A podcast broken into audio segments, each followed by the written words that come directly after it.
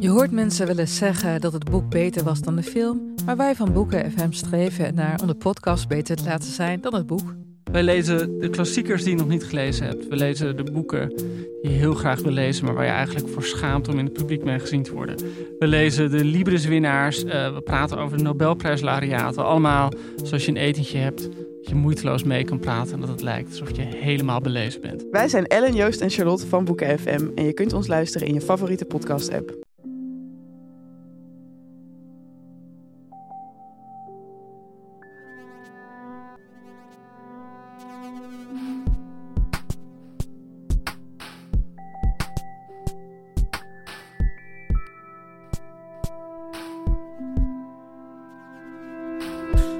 Hallo, ik ben Pieter van Relaas. In Relaas hoor je waar gebeurde verhalen en die worden verteld door de mensen die ze zelf hebben meegemaakt. We gaan luisteren naar Sarah en naar haar adoratie voor een voor haar heel bijzondere Scandinavische muzikant. En dat magisch momentje dat plaatsvond toen ze hem voor het eerst live aan het werk zag.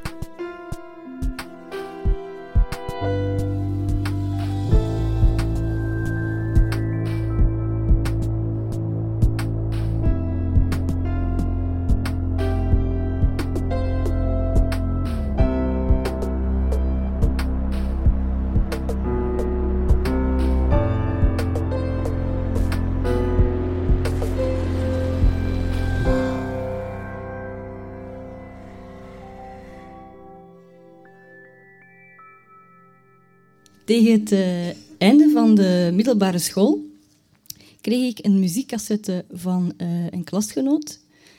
Uh, wij hadden die gewoonte dat we muziek gaven aan elkaar. En elke keer als hij me iets gaf, was ik wel onder de indruk. Dat was altijd tof. En op die cassette stond geschreven Kim Hjortoy. Ik had er nog nooit van gehoord. Bleek een elektronische muzikant uit Noorwegen te zijn. Ehm, en die klasgenoot benadrukte, Sarah, je had dat supergoed vinden. Dus thuis maakte ik er wel een moment van. Ik zorgde dat ik alleen thuis was. Ik zette mij aan tafel, half voor de grap, met een rechte rug, mijn armen rustend op de tafel, helemaal klaar om te luisteren. Maar ik eh, begreep het eerst niet zo goed. Ik had ook nog nooit zoiets vergelijkbaars gehoord. Ik hoorde eigenlijk een rommeltje van beats en opgenomen geluiden. Maar gaandeweg gebeurde het wel en werd ik super enthousiast. Uh, werd ik eigenlijk zelf een beetje overspoeld door hele grote emoties. Ik was toen uh, eh, 16 jaar. Dat moet een van de eerste keren geweest zijn dat ik zo onder de indruk was van iets dat iemand anders had gemaakt. Uh, zijn muziek klinkt eenvoudig en intuïtief gemaakt. Dat vond ik spannend. Het lijkt er ook op alsof hij niet met zekerheid weet hoe dat je muziek moet maken. Alsof dat hij gewoon maar iets probeert. En daar herkende ik mezelf heel hard in. Uh, ik kwam naar België. Ik was toen al begin de twintig. En ik kocht natuurlijk een ticket, want ik wou hem ontmoeten. Maar dan begon ik mij een beetje voor te stellen hoe dat de avond zou zijn. En ik kwam tot de vaststelling dat hij niet echt ging weten wat voor een impact dat hij had op mij. Zelfs niet als ik heel luid applaudisseerde. Dus eigenlijk ging onze ontmoeting een beetje onopgemerkt voorbij gaan. En in de meeste gevallen is dat oké en ook de bedoeling. Maar uh, nu wou ik dus dat het misschien iets anders kon gaan daarbij kwam ook dat ik heel graag wou uh, dat ik van die avond een soort van uh, souvenir had. Zoiets van, van ons twee. Uh, dus ik, ik begon zoiets te bedenken. Ik wist dat hij een illustrator was. Ik ben ook een illustrator. En ik dacht, oh, misschien is het leuk als we elkaar kunnen tekenen, gelijktijdig. Dat lijkt me wel iets leuk. Ik wist nog niet of, dat, of ik dat kon doen. Dus ik nam voor de zekerheid gewoon wel papier mee en potloden. Dus ik ging vanavond zelf wel zien wat dat ging lukken. Uh, het was in Brussel. Het was uh, een hele mooie zaal. Het was uh, een zaal met rode fluwelen stoelen, een heel groot podium met een planken vloer. Er was niet veel aankleding, er waren geen visuals, er waren niet veel speciale spots of zo. Gewoon redelijk sober. In het midden van het podium stond er een tafel uh, met zijn DJ-grief op. En Kim Jortoy kwam meteen op en die begon eraan.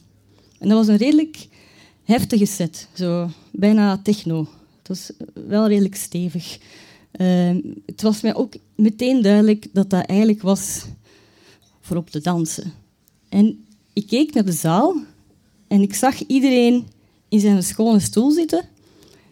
Uh, en het is ook een dingetje dat ik heb. Als ik naar een optreden ga, dan voel ik me er vreemd genoeg verantwoordelijk voor dat de artiest zich echt wel gewaardeerd voelt. Dus dan ga ik ofwel heel luid applaudisseren of als enigste een staande ovatie geven. Uh, of fluiten, maar ik kan niet echt fluiten, dus dan zo wat gekwetter. En uh, dat is zo, hè. Ja.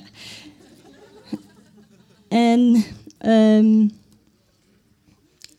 ja, halverwege het optreden zag ik nog altijd dat iedereen in zijn stoel zat.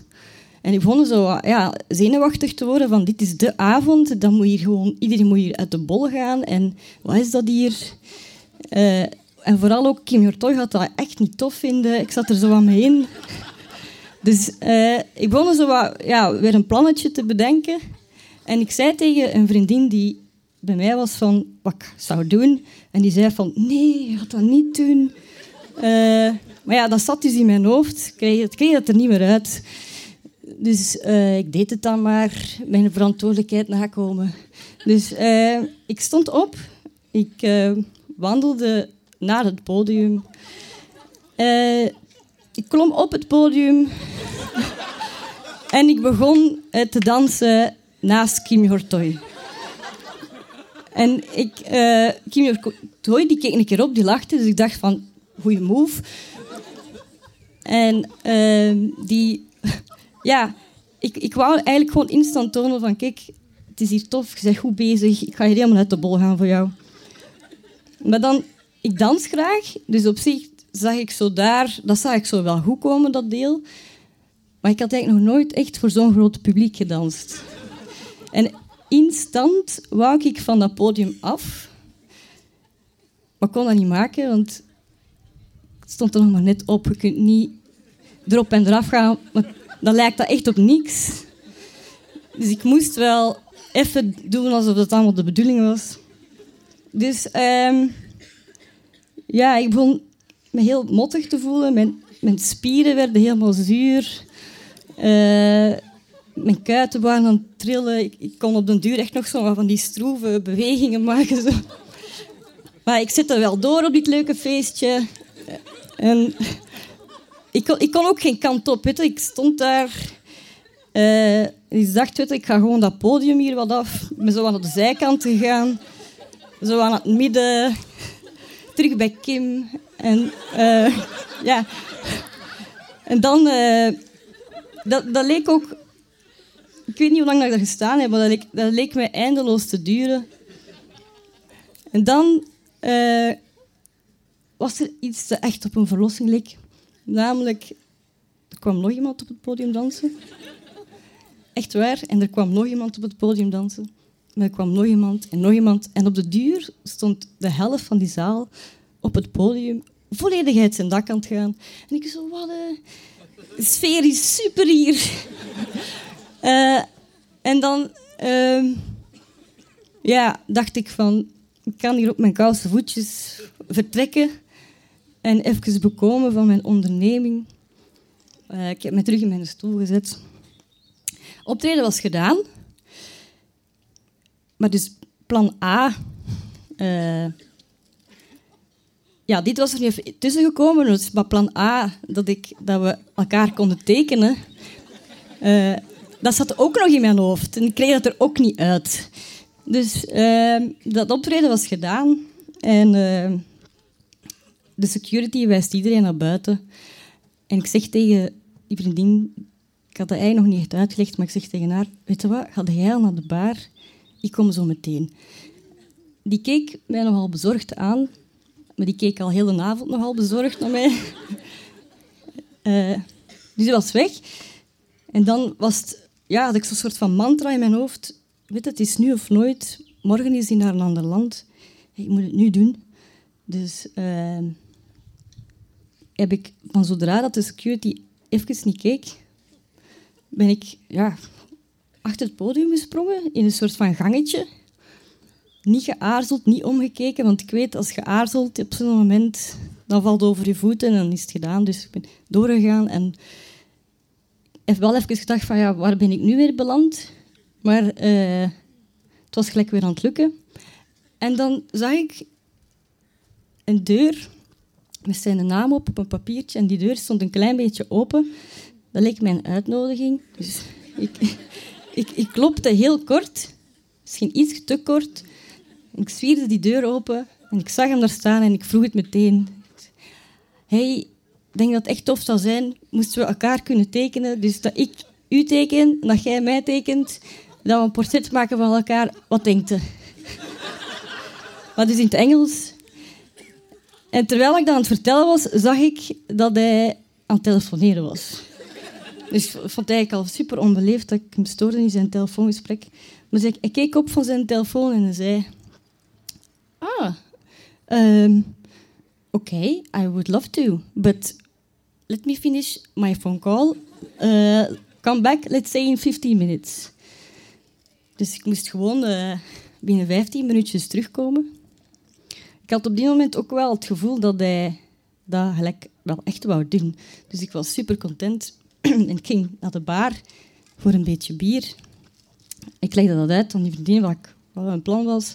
Die schaamde zich enorm uh, in mijn plaats, maar ik had even geen last van. Uh, vijftien minuten waren om. Ik ging terug uh, naar de zaal. Kim Jortoy stond daar super schoon verlicht op mij te wachten. Die lachte naar mij en ik lachte terug. Uh, en, en, hij, en, vroeg, where shall we sit? En ik zeg, uh, let's, zullen we, we zullen in het midden van de zaal gaan zitten. Daar zijn altijd de beste plaatsen. Dus we direct daar gaan zitten. En ik haalde mijn papier dat ik voorzien had van harde flap. En uh, potloden. En ik legde uit waarom het goede potloden waren. Ze waren goed zwart, dat tekent vlot. En we waren meteen eigenlijk in ons element en geconcentreerd bezig. Zo. Maar uh, je moet weten, als je een portret tekent van iemand, dat is eigenlijk meteen een redelijk intieme manier van kijken, dat je zo om de paar seconden goed kijkt. like zo, ja, die neus en dan die oren. Dus dat was eigenlijk zo wel een spannend moment, maar we hebben dat, we hebben dat goed opgelost. En hij vertelde een beetje over zijn manier van werken, dat hij intuïtief werkt en knikte. Ik zei dat, ja, dat had ik begrepen. En ik vertelde een beetje over zoveel jaar terug dat ik die cassette uh, had gekregen van een klasgenoot. En uh, ik vertelde er niet bij wat voor een impact dat hij had op mij, want eigenlijk, dat wij daar zaten, dat genoeg informatie. Um, en dan, ik kan eigenlijk ook totaal niet naar portret tekenen. Mensen worden heel snel oude wezens en zo dikke dingen. Maar hij, hij begon er toch zo wat op te lijken, dus ik vond dat eigenlijk wel positief. En ik zeg, I'm, ready, and, and. En hij toonde wat hij had gemaakt. Uh, en hij had allemaal op één blad kleine portretjes van mij gemaakt. En uh, op één van die portretjes konden zien in mijn blik dat ik gigantisch blij was dat het moment niet zomaar voorbij gegaan was. Uh, dat hangt nu aan mijn muur, al 15 jaar. En dat is nog altijd heel leuk om naar te kijken.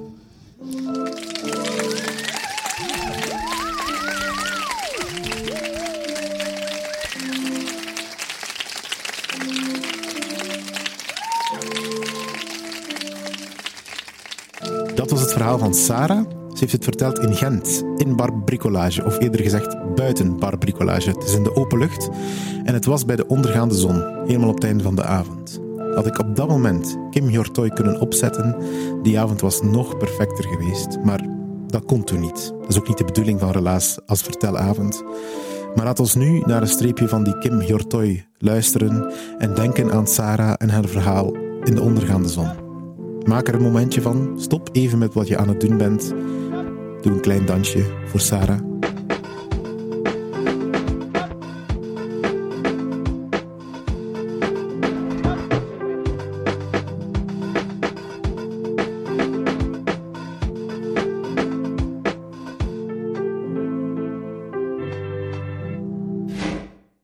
Wij mogen dansen op Kim Hjortoy dankzij Sarah's verhaal en dankzij de Vlaamse gemeenschap en de stad Gent.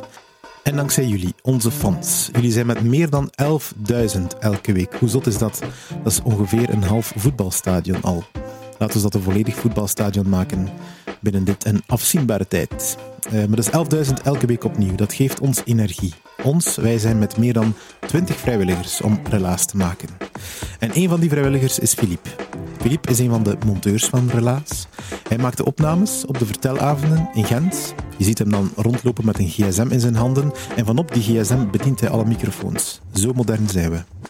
En nadien dan neemt hij die ruwe opnames en mijn gewauwel in de microfoon en dan gaat hij daarmee aan de slag. Hij mixt dat tot een mooi geheel en dan krijg je dat elke week hier in jouw podcastfeed. Dankjewel Philippe om die feed te blijven voeden en dankjewel jullie om te blijven luisteren. Hoe teken je een verhaal van iemand die vertelt over hoe ze iemand tekent? Check het op onze website relaas.be. Het verhaal is getekend door Daphne Gerard van Pulp Deluxe. Heel mooi. Onze andere partners zijn Urgent FM, Huset, Den Hopzak en Chase. Dank je wel om te luisteren. Tot de volgende relaas.